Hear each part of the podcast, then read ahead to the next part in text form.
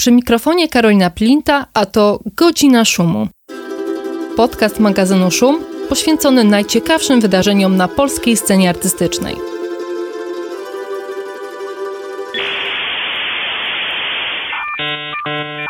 Spotykamy się przy okazji wystawy Krystyny Piotrowskiej, otwartej 12 września w Galerii Studio. Jest ze mną bohaterka tego pokazu, Krystyna Piotrowska oraz Dorota Jarecka, kuratorka wystawy. Witam Was serdecznie. Dzień dobry. Dzień dobry. No i na sam początek pytanie, dlaczego taka wystawa teraz?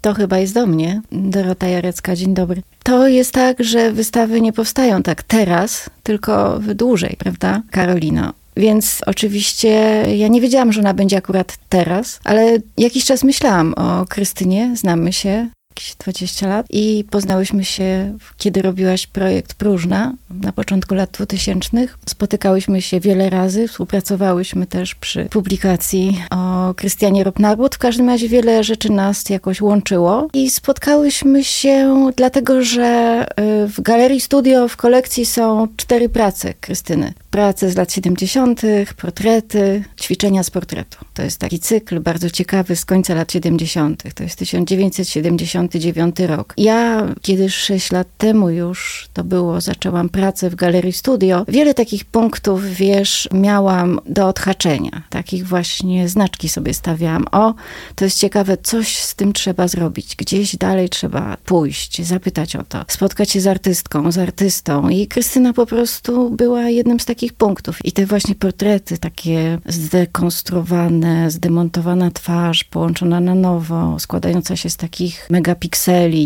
e, wyprzedzająca w pewnym sensie grafikę komputerową. Bardzo ciekawe, ale też bardzo mocno współczesna, znaczy jeśli chodzi o feminizm lat 70. Te różne rzeczy mnie intrygowały i tak to się splotło, że dzisiaj jest wystawa. Te prace z kolekcji są tam, stanowią no, niewielką część, bo to są dwie prace ostatecznie w wyborze wielu, wielu grafik, wielu prac na papierze, no ale one stanowiły to zahaczenie, ten punkt wyjścia. Jak rozumiem, ta wystawa jest częścią definiowania tożsamości galerii. To zresztą jest wspomniane w takim małym przewodniczku po wystawie. I czy mogłabyś powiedzieć, Doroto, co to za tożsamość? Czym jest Galeria Studio? Tożsamość, jak wiadomo, jest dzisiaj performatywna, nie ma esencjalnych tożsamości. Performujemy ją, tą tożsamość, wytwarzamy ją w relacjach. Jest to po prostu taki interfejs społeczny. Ona jest też naszą projekcją z pewnością, naszą kuratorek zespołu, który pracuje w galerii. Ja nie jestem tam sama. Moją koleżanką kuratorką jest Paulina Olszewska, jest świetna konserwatorka Natalia Andrzejewska, producentka Ewa Grzebyk. Jest tam również pamięć poprzednich osób, które przychodziły, odchodziły. E, w każdym razie to jest takie myślenie o tym, co my chcemy jakby od tego miejsca. Oczywiście tożsamość właściwie no nie jest czymś, co jest dane raz na zawsze. Zresztą świetnie się ta wystawa w to włącza, w takie myślenie o takiej relacyjnej, płynnej tożsamości. My chcemy od tego miejsca, żeby ono było feministyczne na przykład. Więc to jest też nasza tożsamość, szczerze mówiąc. Nasza, czyli zespołu. Zespołu. Tak, tak. To są My się same tak kobiety? definiujemy. Są same kobiety, ale nie tylko o to chodzi. My się po prostu tak definiujemy. To jest jeden z naszych punktów programu, żeby jakby rewidować, w sumie rewidować też historię Galerii Studio, taką mocno paternalistyczną, początkowo patriarchalną, e, ale ciekawą, bo to był Szajna. Możesz to trochę wyjaśnić, tą paternalistyczną Yy, historię? Wydaje mi się, że to chyba jest taka historia bardzo uniwersalna, powszechna, tak? To znaczy, że przychodzi jakiś moment rewizji, pytania o to, co jest niedocenione, co jest zapomniane, co jest inne, co jest może mniej w centrum, ale też niż w, w takim głównym nurcie, żeby spojrzeć na ten główny nurt z boku. No więc to nie jest tak, że pokazujemy sztukę kobiet, na pewno, ale pokazujemy sztukę, która nie była zawsze w głównym nurcie.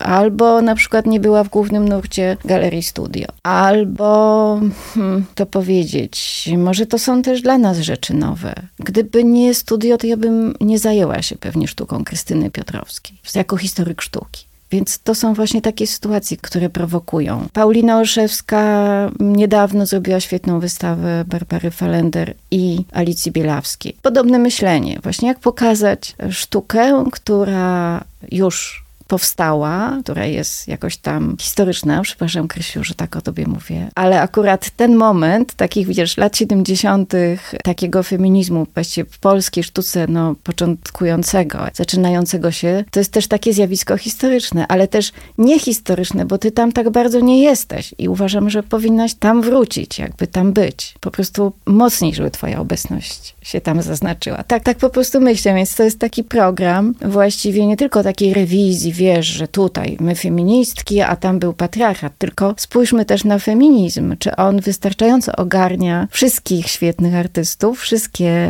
ciekawe zjawiska i jego ten nurt też y, poszerzajmy czy rewidujmy. Więc to tak w skrócie, to jest ta, ta część naszego programu, która tak um, polega na tym, że my opieramy się na tej historii Galerii Studio, ale my nie jesteśmy jakoś jej, nie wiem, super wierne, czy na kolanach, albo że będziemy odbudowywać coś, co było. Nie, to jest po prostu praca nad y, historią, ale też używamy tej historii.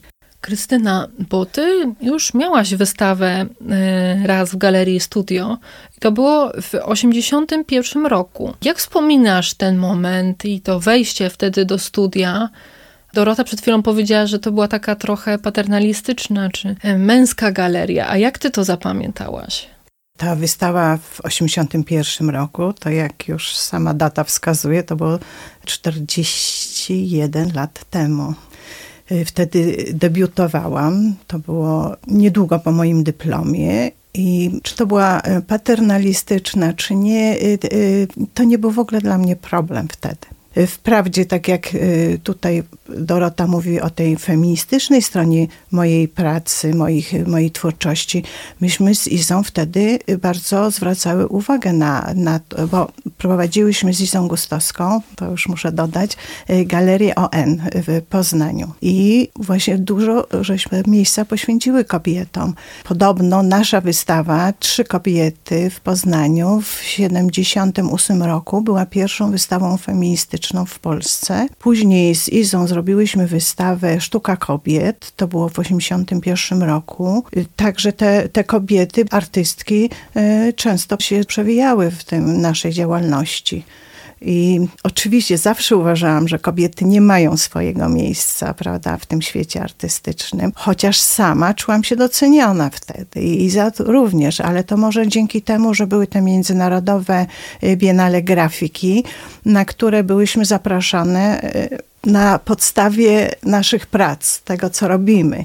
I tam być może nawet to jury nie bardzo te, te nasze nazwiska rozpoznawało, czy to jest kobieta, czy mężczyzna. Więc, więc wtedy naprawdę żeśmy e, bardzo dużo wystawiały i poza granicami Polski. Także takiego właśnie kompleksu, że to, że jestem kobietą i nie mam miejsca dla siebie, nie, nie miałam. A jaka była ta wystawa w studio w 81 roku? Czy mogę powiedzieć, że była taka sama? Była po prostu identyczna. Chyba nie do końca, bo... Nie, ja się śmieję. Ja się śmieję. Jedna nowsza przynajmniej taka praca. tak, tak.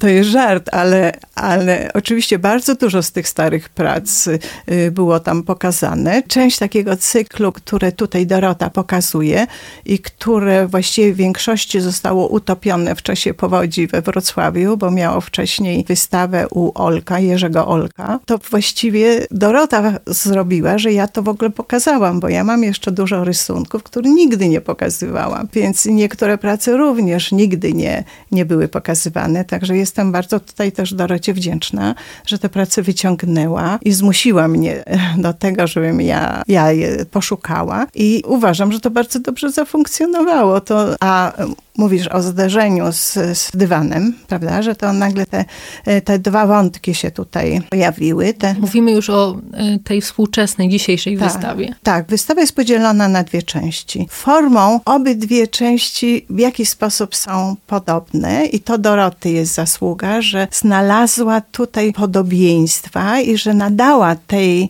wystawie takiej formę takich dwóch ciągów długich. Dała późniejsza praca, ta niedawna praca, to jest dywan, który ma metr szerokości i 12 metrów długości i to jest dywan z włosów ludzkich zrobiony. Początkowo właśnie te prace z włosów ludzkich zrobiłam na projekt Próżna, na ulicę Próżną i dotyczyły zagłady, ale też nie tylko. Odnosiły się i nie odnosiły się właściwie takiej kobiecej sztuki. A tutaj właściwie po jakimś czasie powoli te włosy nabierały takiego znaczenia właśnie feministycznego. I ta praca właśnie znajduje się na pierwszym piętrze, a rysunki, które też tworzą taki ciąg jak dywan, są na drugim piętrze. I to są takie też dwa absolutnie różne, można powiedzieć, media, prawda? Tu rysunek z papierem, szkła i takie, a tam ilość tych włosów, ilość tych kobiet, które tam są w tym wszystkim, te kosmyki, no nie wiem, może z 80 kobiet, 100 kobiet. Możesz przybliżyć proces produkcji tej pracy? Z włosami zawsze miałam, e, to znaczy problem może nie, ale fas, fascynację. Kiedy była mała, miałam bardzo kiepskie włosy, to sobie robiłam warkocze z wstążeczek i wieczorem, jak już tak mój warkocz nie był taki y, rozpoznawalny poprzez to, że było dosyć ciemno, y, to właśnie wychodziłam na miasto i bez przerwy je sobie te włosy, te sztuczne włosy z tych wstążeczek, y, po prostu się nimi bawiłam i, i, i chodziłam po ulicach i po prostu odgarniałam je. Także no, byłam wtedy strasznie dumna, ale to miałam 7 lat. Także tym bardziej też, że wiedziałam, że moja babcia miała perukę. Z tego wnioskowałam o mojej rodzinie mamy rodzicach nie wiem prawie nic, ale jedną e, taką e, wiadomość dostałam od mamy, że babcia chodziła w peruce, czyli że była e, ortodoksyjną Żydówką. I dla mnie to właśnie taka przewrotność tego, że, że Żydówki obcinają włosy swoje własne i tą głowę zakrywają peruką, czyli włosami innych kobiet. Gdzieś to jest taką tradycją od tylu lat i że nie ma na ten temat żadnej dyskusji. No właśnie, że to się powtarza i, i że to było jakieś takie dosyć i niesmaczne, i kontrowersyjne, i takie paradoksalne właściwie. I czym te włosy są właściwie, prawda?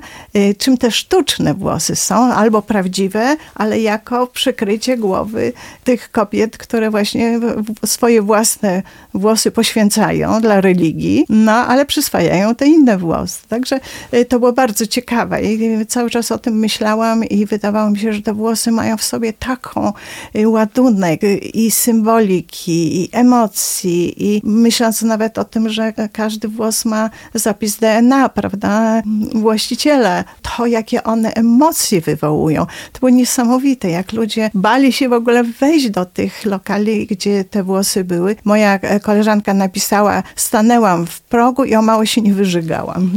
Nie spodziewałam się, szczerze mówiąc, takich emocji, ale one były bardzo, bardzo mocne. To jest również bardzo ciekawe, prawda, że włosy są takim symbolem powabu kobiet, a jednocześnie są też jednocześnie obrzydliwe. są obrzydliwe. I ta, ta e, ambiwalencja to jest, to jest fascynujące. A skąd te włosy wzięłaś do produkcji tej instalacji? Pierwsze włosy, jak zaczęłam się tym interesować i zaczęłam tak e, po prostu myśleć o tym, gdzie mogę takie włosy zdobyć, dostałam od, od właścicielki perukarni, bo ona miała taki worek, napis nawet były włosy pomylone.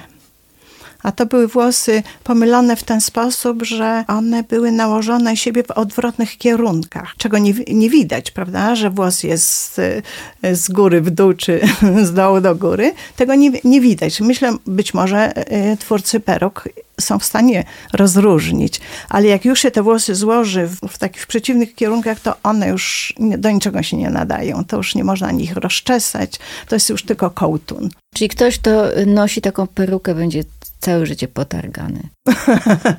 ja myślę, że nikt nie zrobi takiej peruki, bo to za dużo roboty, żeby taką perukę zrobić, że oni jednak kontrolują to i dlatego ja dostałam, to, dostałam te włosy, taki cały worek i tak wydawało mi się, że to podejdę do tego bez emocji, ale nie mogłam, nie mogłam się wyciągnąć, nie mogłam otworzyć tego worka. Także przez dwa lata y, na balkonie u mnie leżał i czekał. A nie zakisł?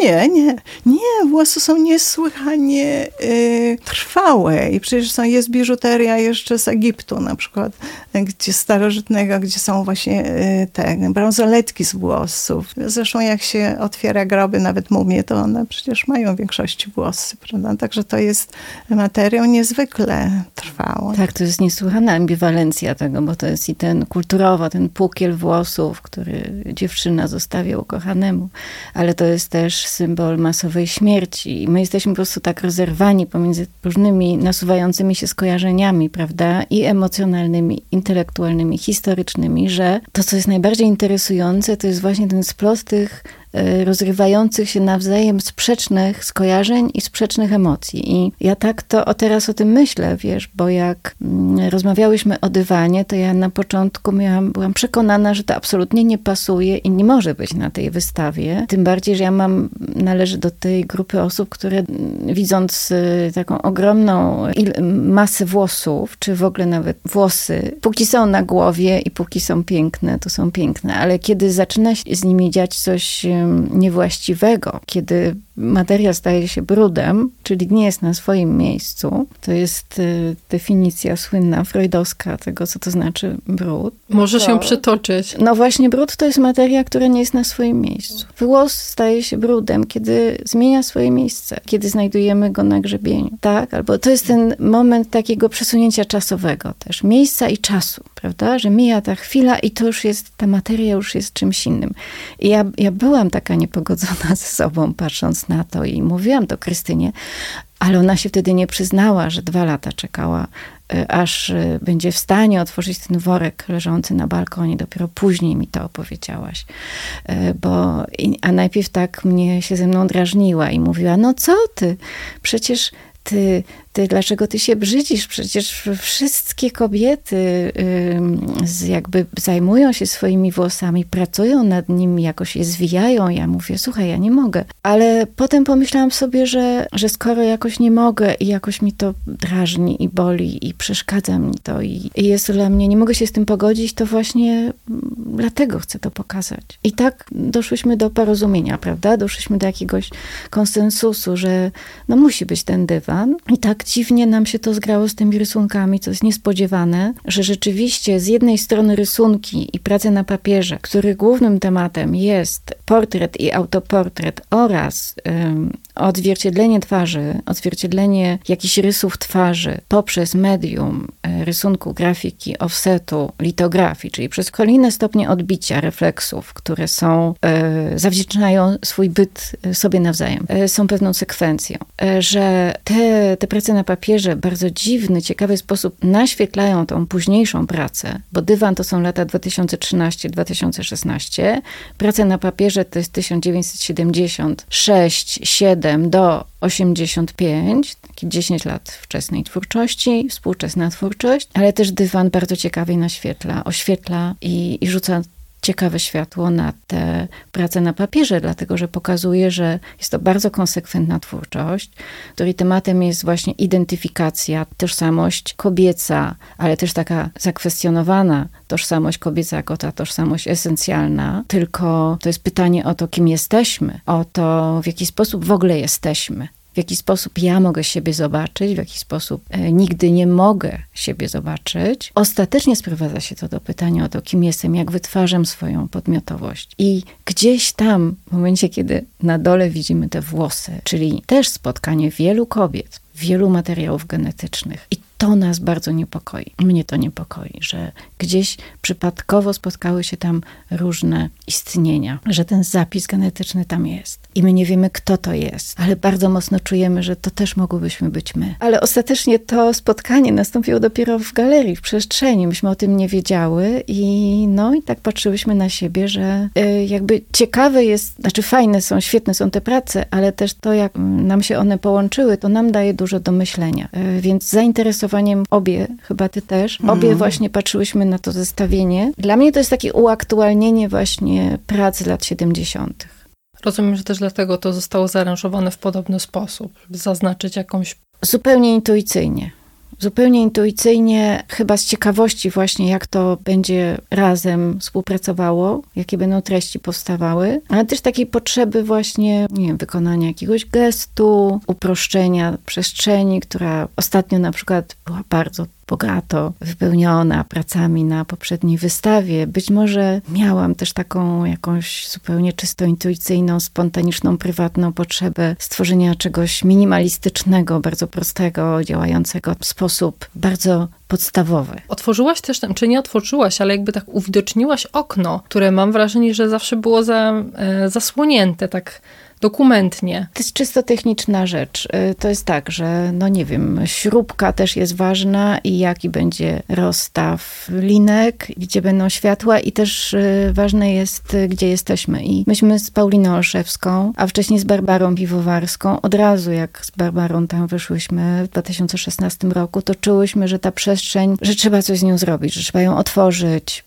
pokrzyżować trochę te wcześniejsze plany, ten taki trochę siermierzny white box, który tam spotkałyśmy, bo on jest takim dziedzictwem lat 70., 80., przeróbek, też może nawet y, tego, że materialnie nie jest to na takim najwyższym poziomie, no bo to jest galeria miejska, bez wielkich budżetów, po prostu no, część teatru, także tak działamy w takiej małej skali. Jeśli chodzi o budżety, nie możemy sobie pozwolić na, wielki, e, na wielką gentryfikację. Też to jest zabytek, więc też nie wszystko można tam zrobić, ale można było na dole otworzyć okna. E, bo tam była ściana. Na górze też na, jest na, jakby Tak, na dole. Żeśmy od razu otworzyły, zdjęłyśmy ścianę sztuczną, otworzyłyśmy dwa okna, piękne okna na plac defilat i kusiło nas to okno na górze i pomyślałyśmy właśnie z Pauliną, że dobrze by było coś zmienić, żeby światło jednak tam przychodziło z zewnątrz postaci. No i, i jest okno, więc bardzo nas to teraz ekscytuje, co, co będzie dalej, jak to, jak to będzie grało z kolejnymi wystawami. Krystyna, czy możesz mi powiedzieć, jak to się stało, stało, że ty zainteresowałaś się tym problemem portretu, że zaczęłaś eksperymentować z tym formatem i tematem? E, wiesz co, jak ja y, niedawno dostałam od mojego brata moje rysunki z dzieciństwa, nawet nie młodości, tylko dzieciństwa, to się nagle okazało, że ja właśnie nic innego nie rysowałam. Że to są same portrety. Oczywiście były to księżniczki na pewno, nie wiem, dzisiaj, i z warkoczami i z kokardami. I to, to, to były jakieś 20 naraz taki. I to były cały czas głowy, y, właściwie portrety. Także nie wiem, na ile to można właściwie, prawda, to przyjąć, że to zawsze się działo u mnie w głowie i że zawsze byłam tym zainteresowana i że te późniejsze prace to była tylko kontynuacja tego, co, co tak na mnie wywierało wpływ. Na tej wystawie jest moja taka y, najstarsza praca, moja praca dyplomowa z uczelni w Poznaniu. Tam kończyłam grafikę. I to jest praca z 1975 roku. Także trochę lat już ma i to były grafiki, na którym było ciało, moje ciało młodej kobiety, y, na płótnach. Ja niektóre z tych płócien przerabiałam, robiłam z nich ubrania i, i później właśnie pokazywałam jako taki, taką pracę o przemijaniu, że to, to ciało gdzieś tam wtulone w tą materię, ono zostawia swój ślad. To, że w ogóle zajmowałam się grafiką i że to mnie tak bardzo fascynowało, to właśnie mm, to cecha grafiki, w której się używa matrycy po to, żeby zrobić odbitkę, prawda? I to nie, nie chodziło mi nigdy o to, żeby mieć jakieś ileś odbitek na sprzedaż, ale o to, że, że w, w tej symbolice y, odbijania, zostawiania śladów, y, dla mnie to było tak ważne, że to był jak bardzo ważny element tej pracy.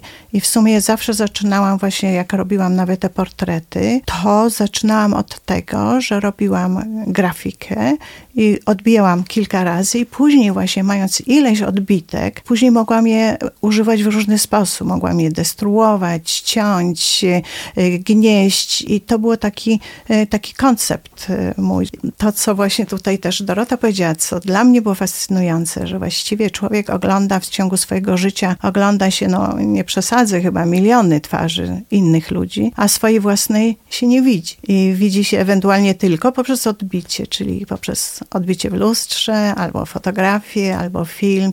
No teraz ta ilość selfików pokazuje, jak ludzie jednak potrzebują, prawda, oglądania własnej twarzy.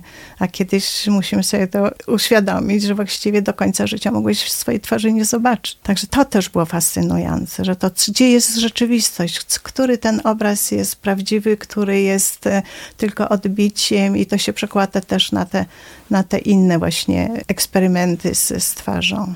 A czy miałaś jakąś taką refleksję właśnie tożsamościową, jeśli chodzi o to, że to są portrety kobiet? No bo to są, to przynajmniej co widziałam w studio, to są z reguły portrety kobiet zdekonstruowane i czy to ma znaczenie? W większości y, te zdekonstruowane portrety to są autoportrety. Zresztą do dzisiaj kontynuuję i, i, w tych moich pracach jest ciągle bardzo dużo autoportretów, bo jestem zdania, że właściwie ja tylko na temat mojego autoportretu mogę sobie pozwolić na cięcie, na destruowanie, no bo robienie co ja chcę. Czasami próbowałam pracować z portretem czy córki, no ale już nie wolno mi tego robić. Jednak to jest takie tabu, prawda? Dotykanie czyjegoś bliskiego człowieka portretu i, i już bym w życiu nie odważyła się coś tam y, zrobić jakoś, no chyba, że to będzie eleganckie, ładne. Natomiast już iść tą w stronę tej, tej destrukcji, to, to jednak to sobie mogę pozwolić tylko na swoim mm, portrecie. Czemu miałaś ochotę siebie tak dekonstruować? Wiesz, że nie wiem właśnie, nie wiem. To jest niesamowite, bo jak ja później to wszystko oglądam, to ja, ja sama się zastanawiam. Być może to była właśnie też, też kwestia tożsamości, e, ponieważ moja mama jest Żydówką, była Żydówką. E, to była tajemnica. To znaczy, były jakieś e, sygnały, że moja mama się nazywała Goldsand i że to nie było polskie nazwisko, że mi dzieci w szkole mówiły, że nie wyglądam na Polkę i takie różne. Ta tajemnica tej mojej tożsamości i w ogóle takie zastanawianie się nad tym, może to spowodowało, że że szukam poprzez właśnie takie dekonstruowanie, takie prace pierwsze były, nazywały się rekonstrukcje, gdzie właśnie zamieszczałam jakiś, jakiś kawałek mojej twarzy, rysów mojej twarzy i później tak jak archeolodzy szukałam, jak ona mogłaby wyglądać z tym kawałkiem, ale gdybym nie wiedziała, jak ta reszta wygląda i co mogłoby do niej jeszcze pasować, rysy twarzy, mojej zamieniam rysami twarzy innych ludzi. Całą tą kolekcję zrobiłam oczu, uszu, ust i, i korzystam z niej, żeby, żeby po prostu wymieniać moje cechy na czyjeś i patrzę, jak ta nowa twarz wygląda i do jakiego momentu jest moją twarzą, jak, do jakiego momentu jest już konstrukt, który żyje swoim życiem. Przy wejściu do galerii wisi fartuszek. Przynajmniej ja to, a może to była sukienka? Haleczka. Halka. Proszę mi wreszcie tego poprawiać. Mm, I na niej jest nadrukowane e, ciało kobiece. Nie wiem, czy to jest twoje ciało. Tutaj Dorota macha, że tak. Co to jest za praca? No to jest ta praca, o której właśnie mówiłam. To jest moja, to, to, to jest moja praca dyplomowa. To były trzy, trzy różne prace, składały się na ten cykl e, tekstylia. I no właśnie to był odcisk mojego ciała na, na ubraniach. To był dyplom i te prace znalazły się później na Biennale Grafiki e, w Krakowie. Nie wiem, czy mam opowiadać tą. Przede wszystkim opowiedz, y, czego zabrakło chyba w tym w twoim nagraniu takim autobiograficznym i autokomentarz jest też na wystawie w postaci filmu, bardzo ciekawie zmontowanego, nagranego przez Krystynę. Ale nie powiedziałaś, że twój dyplom nazywał się Człowiek to brzmi w trzcinie co znów y, też jest bardzo humorystyczne i ironiczne, ciekawe, ale też posthumanistyczne już niemalże, jest nieantropocentryczne. Także Krystyna moim zdaniem się interesowała też zawsze tytułem, słowem, językiem. To są też gry językowe. Bardzo mnie ciekawiło to, że portrety są też grami z językiem. Właśnie nos, usta, uszy. To są te elementy rysopisu. To są też elementy, które pojawiają się e, w literaturze, która, mm, zwłaszcza takie XIX-wieczne, XVIII-wieczne powieści, ale zwłaszcza XIX-wieczna klasyka gatunku, zawsze musi fizjonomię tak jakoś potraktować, że my plastycznie, w sposób plastyczny widzimy twarz widzimy też często twarz kobiety. Wydaje mi się, że Krystyna gra z takimi stereotypami też językowymi, że znaczy nie byłoby w pewnym sensie twarzy, gdyby nie było mowy. Nie bylibyśmy w stanie nazwać tych elementów i ktoś ma ładny nos, ktoś ma brzydki nos, ktoś ma krzywy nos, zakrzywiony albo zadarty. To są, to są właśnie takie, takie językowe klisze, które od razu narzucamy na, na, na, na innych i potem już wiemy, a to wiemy, to jest twarz, która odbiega od jakby ideału, a ta się zbliża do ideału. E, I w tym, tym dyplomie też była gra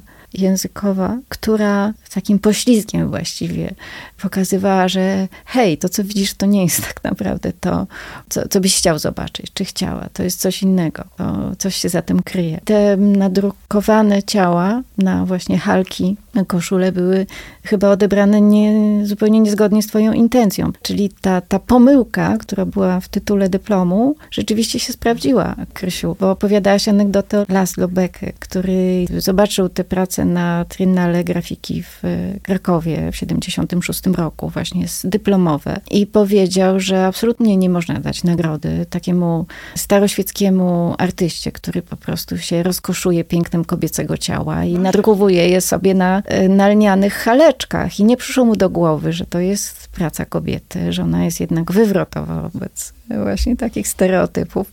No i potem bardzo tego żałował. Co tak. wyznał tobie, prawda? Tak, ale to była niezły, dla mnie też niezwykła nauczka. Co to znaczy właśnie autor pracy, co to znaczy artysta, jego uwikłania, jego płeć, jego wiek, prawda? I jak to bardzo wpływa na, na pracę i jak osądzając jakąś pracę, jednak musimy te rzeczy wziąć pod uwagę.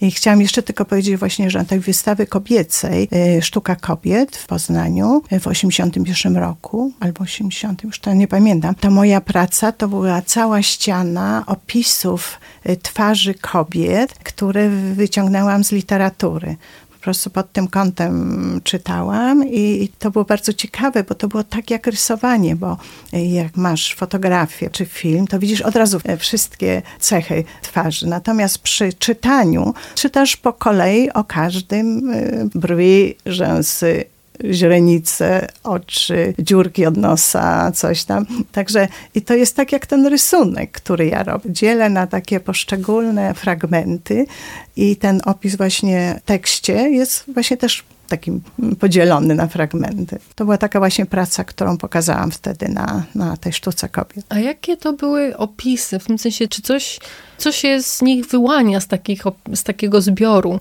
Cała ściana opisów? Zależy od autora bardzo różne były. Y, też być może y, ja aż tak bardzo tego nie analizowałam, ale myślę, że gdyby porównać kobiece opisy, prawda, tak Jane Austen, czy o, na przykład fantastyczne opisy y, robi Agatha Christie. Zawsze opisuje twarze i, i bardzo ciekawie, więc jakby porównać, prawda, jak mężczyźni opisują twarze kobiet, a jak robią to kobiety. Zresztą zrobiłam później taką pracę, która nazywa się Moja, Twoja lewa, prawa strona. I to wtedy pokazałam pracę takiej mojej przyjaciółki Kasi. Pokazałam jej twarz różnym ludziom. Wysłałam jej zdjęcie i oni prosiłam ich, żeby przysłali mi opis tej twarzy. Jak oni widzą tą twarz. I to były tak różne opisy tak niezwykle od, że piękna, że brwi jak, jak... Jaskółki. Tak, jak jaskółki. Do tego, że to jest w ogóle męż, twarz mężczyzny, że ona jest preparowana. Y, mężczyzna, o którym wiem, że jest strasznie był babolubny i w ogóle erotoman, napisał, że ona ma problemy ze swoją kobiecością. Y, więc okazało się właściwie później, że to, to były portrety tych ludzi, którzy pisali, a, a, a nie jej. Jej też też oczywiście w jakiś stopniu, ale że oni dawali świadectwo swojego, swojego spojrzenia i to właśnie tam różniły się, jak kobiety pisały i jak mężczyźni pisali. To było e, bardzo ciekawe. I później ja ją namówiłam, żeby ona przeczytała to, co o niej mówią ludzie, przeczytała jako ja, jako, że jestem, moje rysy nie zgadzają się ze sobą, e, moje usta są pełne bólu, albo spotkało mnie coś złego, albo mam kłopoty ze swoją kobiecą kobiecością. I ona, I ona to czyta. Właśnie widzę, że czasami po prostu jest wściekła na to, że musi przeczytać, że coś tam z nią jest nie tak, ale właśnie jakoś w, w pierwszej osobie. Także to, to była taka praca właśnie na temat też wyglądu i, i tego, jak siebie widzimy. Ja właśnie żałuję, żeśmy nie zrekonstruowały tej pracy z tymi opisami, opisami fizjonomicznymi w zasadzie można by wykonać taki, Bo taki to performance y, był, czy jaką to dokładnie przybrało formę? No ta pierwsza Na, na kartkach papieru była. Ja rę, moim ręcznym pismem, żeby ujednolicić, żeby nie było. Tak, na ścianach, ale później jak to było odczytywane, to już chyba taki performance, tak? Czy... A, to, bo to była późniejsza praca. Tym odczytywaniem to było w, w, w Zamku Jazdowskim, mm, nie wiem, to było 2000 któryś, e, ósmy czy coś takiego. To była inna wystawa. Tak, ale właśnie ta twarz teraz, zwłaszcza jak mamy e, tak niebywałą e, ruchliwość, płynność społeczną, migrancką, to, to znów taka praca właśnie o inności, o różnicy mogłaby być znów jakoś inaczej aktualna. Tak. Tak aż, aż coś mnie ukłuło. E, Nie Szkoda, poszło żeśmy dalej. nie poszły w tą stronę, ale wiesz, potencjalnie jest to cały czas, cały czas do wykorzystania. Właśnie chciałam tylko dorzucić ten świetny opis Witkacego w Pożegnaniu jesieni, kiedy on opisuje swoją e, heroinę główną, bohaterkę, tych kobietę demoniczną Heleberc, która miała źle osadzony nos. Co to znaczy źle, prawda? Co to znaczy, że miała ten, jak ona miała ten nos? Jak on co sobie e, wyobrażał, ale również, ponieważ wiemy, że modelem tej bohaterki była bardzo konkretna, interesująca zresztą e, kobieta, prawda, Izabela Czajka, to, że jeszcze e, dochodzi ta świadomość, że była rzeczywiście ta osoba, której, dla której widocznie jej żydowska tożsamość, jej tożsamość kobieca, jej niesły- niesłychany potencjał też intelektualny stanowił dla Witkacego jakiś splot, wyz, wyzwanie, prawda, to w tym jednym zdaniu, w trzech słowach e, rysuje się, no nie wiem, cała otchłań różnych niesłychanych, złożonych kompleksów, zaszłości. To, to naprawdę jest, to jest niesłychane, bo to łączy literaturę, sztukę, obyczajowość, gender. Ja bym chciała po- powiedzieć jeszcze o jednej pracy bardzo dla mnie ważnej. E, To jest praca, e, nazywa się Oczy niebieskie, życie królewskie, Oczy czarne, życie marne. I to jest praca poświęcona mojej mamie, ale właśnie temu dobremu i złemu wyglądowi.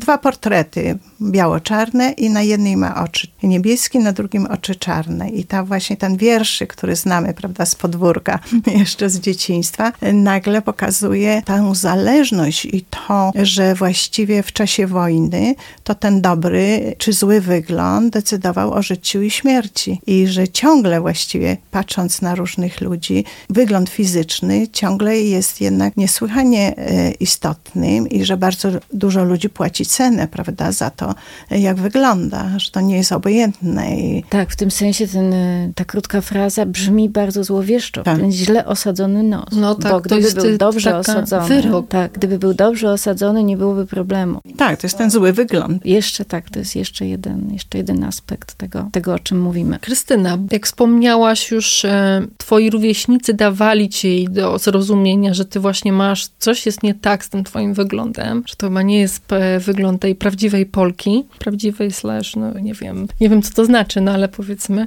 Musiała się zmierzyć z tym problemem inności i też w pewnym momencie podczas e, stanu wojennego wyjechałaś z Polski.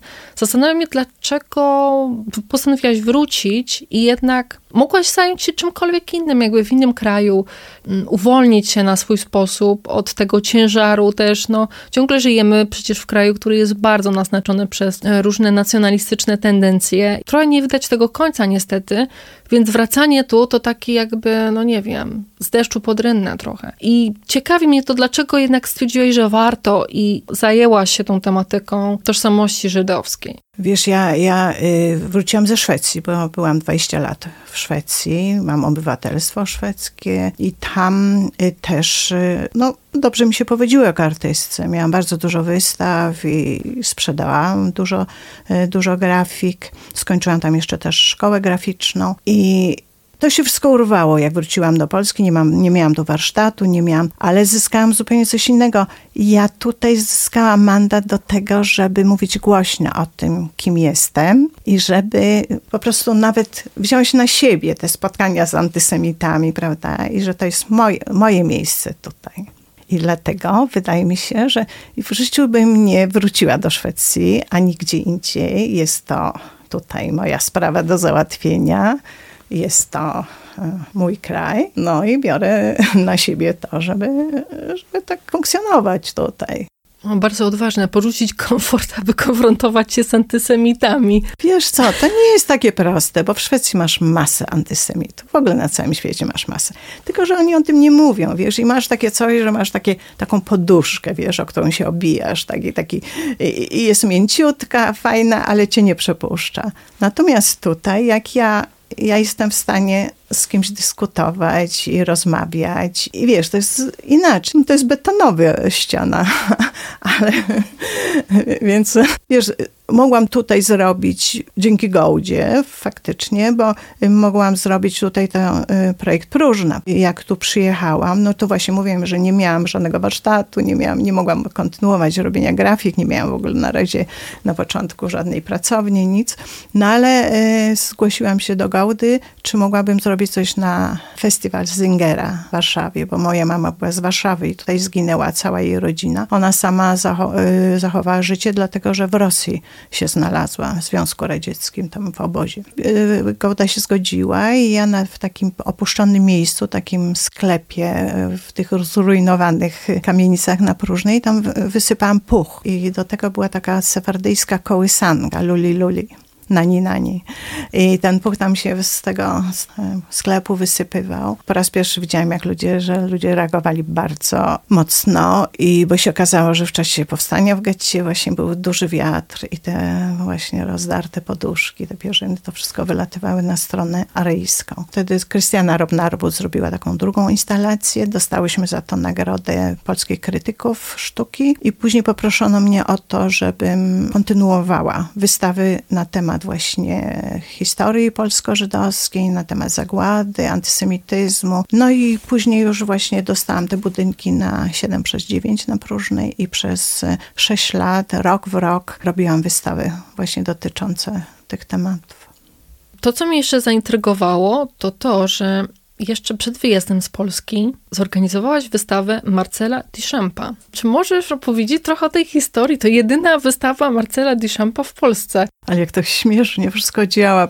Ja w ogóle zapomniałam o tej wystawie i nagle... Ktoś mnie zapytał, Anna Markowska, słuchaj, czy w Pałacu Kultury była wystawa Duchampa? To była w 2016 roku. Ja nie wiedziałam jeszcze nic prawie o Galerii Studio i mówię jej, no skąd, no zwariowałaś Marcela Duchampa w jakim pałacu? W ogóle tak się nie mówi w Pałacu Kultury, w Galerii Studio. A może gdzieś w Pałacu Kultury była, ale kurczę, no nie wiem. I tak po prostu potem zapomniałam o tej rozmowie i nagle grzebie w tych teczkach, grzebie, grzebie, patrzę to tu, to tam, tak jak mam czas i nagle wyskakuje zaproszenie Buat Envalis Marcela Duchampa. Wystawa w Galerii Studio 8 do 15 lutego 1981, a za jak się wystawa Duchampa kończy, to zaczyna się wystawa Krystyny Piotrowskiej. Aspekty rysunku. Na, jednej, na jednym zaproszeniu był Duchamp i Piotrowska ale do głowy mi nie przyszło, że oni są ze sobą jakby jeszcze jakoś głębiej powiązani. No i się okazało, i się okazało, że to ona właśnie sprowadziła pracę Duchampa do Polski Saint Pompidou, a potem wybuch stan wojenny. Tak, bo to był taki bardzo specjalny Czy rok. wybuch, wprowadzono stan wojenny. I muszę tu wspomnieć Grzegorza Gaudena, którego to był pomysł, żeby Duchampa sprowadzić, bo on przeczytał książkę Uszuli Czartoryskiej, prawda, od pop artu do sztuki konceptualnej. No i po prostu ten Duchamp go po prostu zaczarował. I my, że koniecznie, że to właściwie jest otwarcie na sztukę nowoczesną, że bez Duchampa właściwie to nie mamy o czym mówić, nie, nie, nie, nie jesteśmy w stanie e, widzieć tej sztuki współczesnej. Mnie się wydawało, że to jest e, pomysł w ogóle nierealny. I zaczęliśmy właśnie rozmawiać najpierw z Centrum Pompidou, wysyłać tam do nich pytania. Nie dostawaliśmy żadnej odpowiedzi. No więc zwróciliśmy się do ambasady francuskiej i o dziwo ambasada skierowała nas do atasze kulturalnego, pana Blaise i on bardzo chętnie w ogóle pochylił się nad, naszą prośbą i, i, zaczął też rozmawiać z Centrum Pompidou, ale to był czas właśnie lat 80. i zaczęły się strajki w Polsce. I Polska była na ustach całego świata. I wtedy nagle otworzyło się masę możliwości, bo masę ludzi z całego świata chciało nam pomóc, prawda, w tej wojnie o walce, o demokrację i prawa człowieka. Więc wtedy Centrum Pompidou e, odpisało nam, że tak, chętnie, e, chętnie nam udostępni. No, oni mieli, była tam waliz i że nawet nie biorą za to żadnych pieniędzy. I nie było to ważne, przecież myśmy byli małą galerią studencką, mieściliśmy się gdzieś na strychu i także to w ogóle bardzo tak niepoważnie wyglądaliśmy, no ale y, po podpisaniu różnych tam umów, ta y, wystawa Duchampa do Polski przyjechała, również z przygodami, ponieważ przywiózł ją e, Stanisław Zadora, to był asystent Pontusa Hultena, który był dyrektorem centrum, śmiałam się, bo Paryżu nazywali go amerykańskim koniem trojańskim, bo on sprowadził do centrum Pompidou właśnie wszystkie wielkie nazwiska amerykańskie i, i wtedy Francuzi, artyści francuscy czuli się mocno niedocenieni. No i, i on przyjechał z tymi pracami, wysiadł z samolotu, a ta była tam waliz była spakowana w trzy, w trzy skrzynie. No i nagle się okazuje, że są tylko dwie skrzynie i trzecia skrzynia wyparowała no ja już tutaj opowiadałam, że po prostu był tak wkurzony i był tak wściekły i nas obwiniał, że to polski bałagan i w ogóle i on ma dosyć już na początku. No ale się okazało, że, że, że ci panowie, którzy ładowali tą, y, te skrzynie do samolotów, w pewnym momencie sami zadecydowali, że jednej skrzyni nie poleci, bo im nie pasuje do bagażu. A, a Zadora był przy tym, jak trzy skrzynie pakowano, więc to było w ogóle jakieś takie zupełnie dla niego niezwykłe wydarzenie. No ale przy, i przyjechała ta trzecia skrzynia i zrobiliśmy wtedy właśnie z starem. Nie wiem, jak ktoś nie żył wtedy, to nie wie, co to jest ciężarówka star.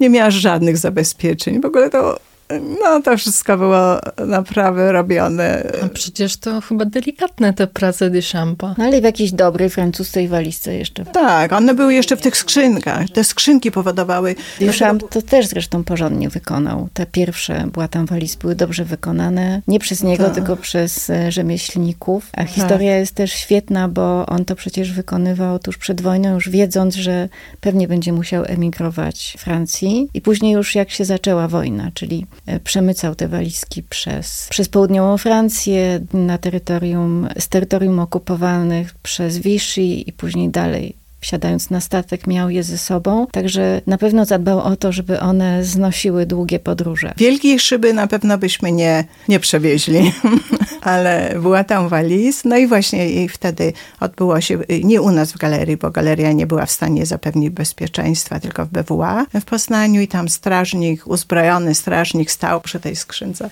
24 godziny. Także myślę, żeby się bardzo to Duchampowi podobało. Taka właśnie atencja. Dużo ludzi przyjechało i właśnie tam pan Bles przemawiał o właśnie o, o wadze naszych relacji. I jak już później wystawa przyjechała tutaj, do Galerii Studio, do Warszawy, wróciła do Francji, a kilka e, miesięcy później dowiedzieliśmy się, że pan Bles, oprócz tego, że był atasze kulturalnym ambasady francuskiej, był francuskim szpiegiem i został w związku z tym wydalony z Polski. Także, że to też jest jakiś taki dodatek do, do całej tej historii. I w związku z tym teraz później rozumieliśmy, dlaczego on się tak starał dlaczego tyle mógł zrobić, bo to były zupełnie już inne poziomy e, współpracy. No a później był stan wojenny. Historia się potoczyła. No, bardzo ciekawe. Ale wszystko przed nami. Jeszcze nie było. Drugiej wystawy Duchampa jeszcze nie było, więc y, kto wie, prawda?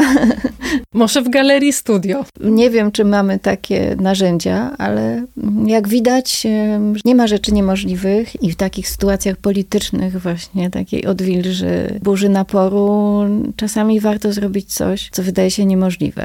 I, i, to, i do, do tego dochodzi. Więc kto wie, może jak teraz wszystko pęknie. Ja myślę, że dzisiaj Ukraina miałaby szansę na, na wystawę Duchampa. Życzę wystawy Duchampa zarówno Galerii Studio, co i jakiejś galerii w Ukrainie. Dorota i Krystyna, gratuluję Wam wystawy. Bardzo dziękuję za rozmowę. Czy możesz przypomnieć, do kiedy jest otwarta? Do 23 października. Bardzo serdecznie zapraszamy. Ja również dziękuję za rozmowę. Dziękuję za wysłuchanie kolejnego odcinka Godziny Szumu. Na następny zapraszam za dwa tygodnie. Szukajcie nas na popularnych platformach streamingowych. Jeśli ciekawi Cię, co się dzieje w polskiej sztuce współczesnej, zajrzyj na stronę magazynu Szum. Znajdziesz nas pod adresem magazynszum.pl. Do usłyszenia.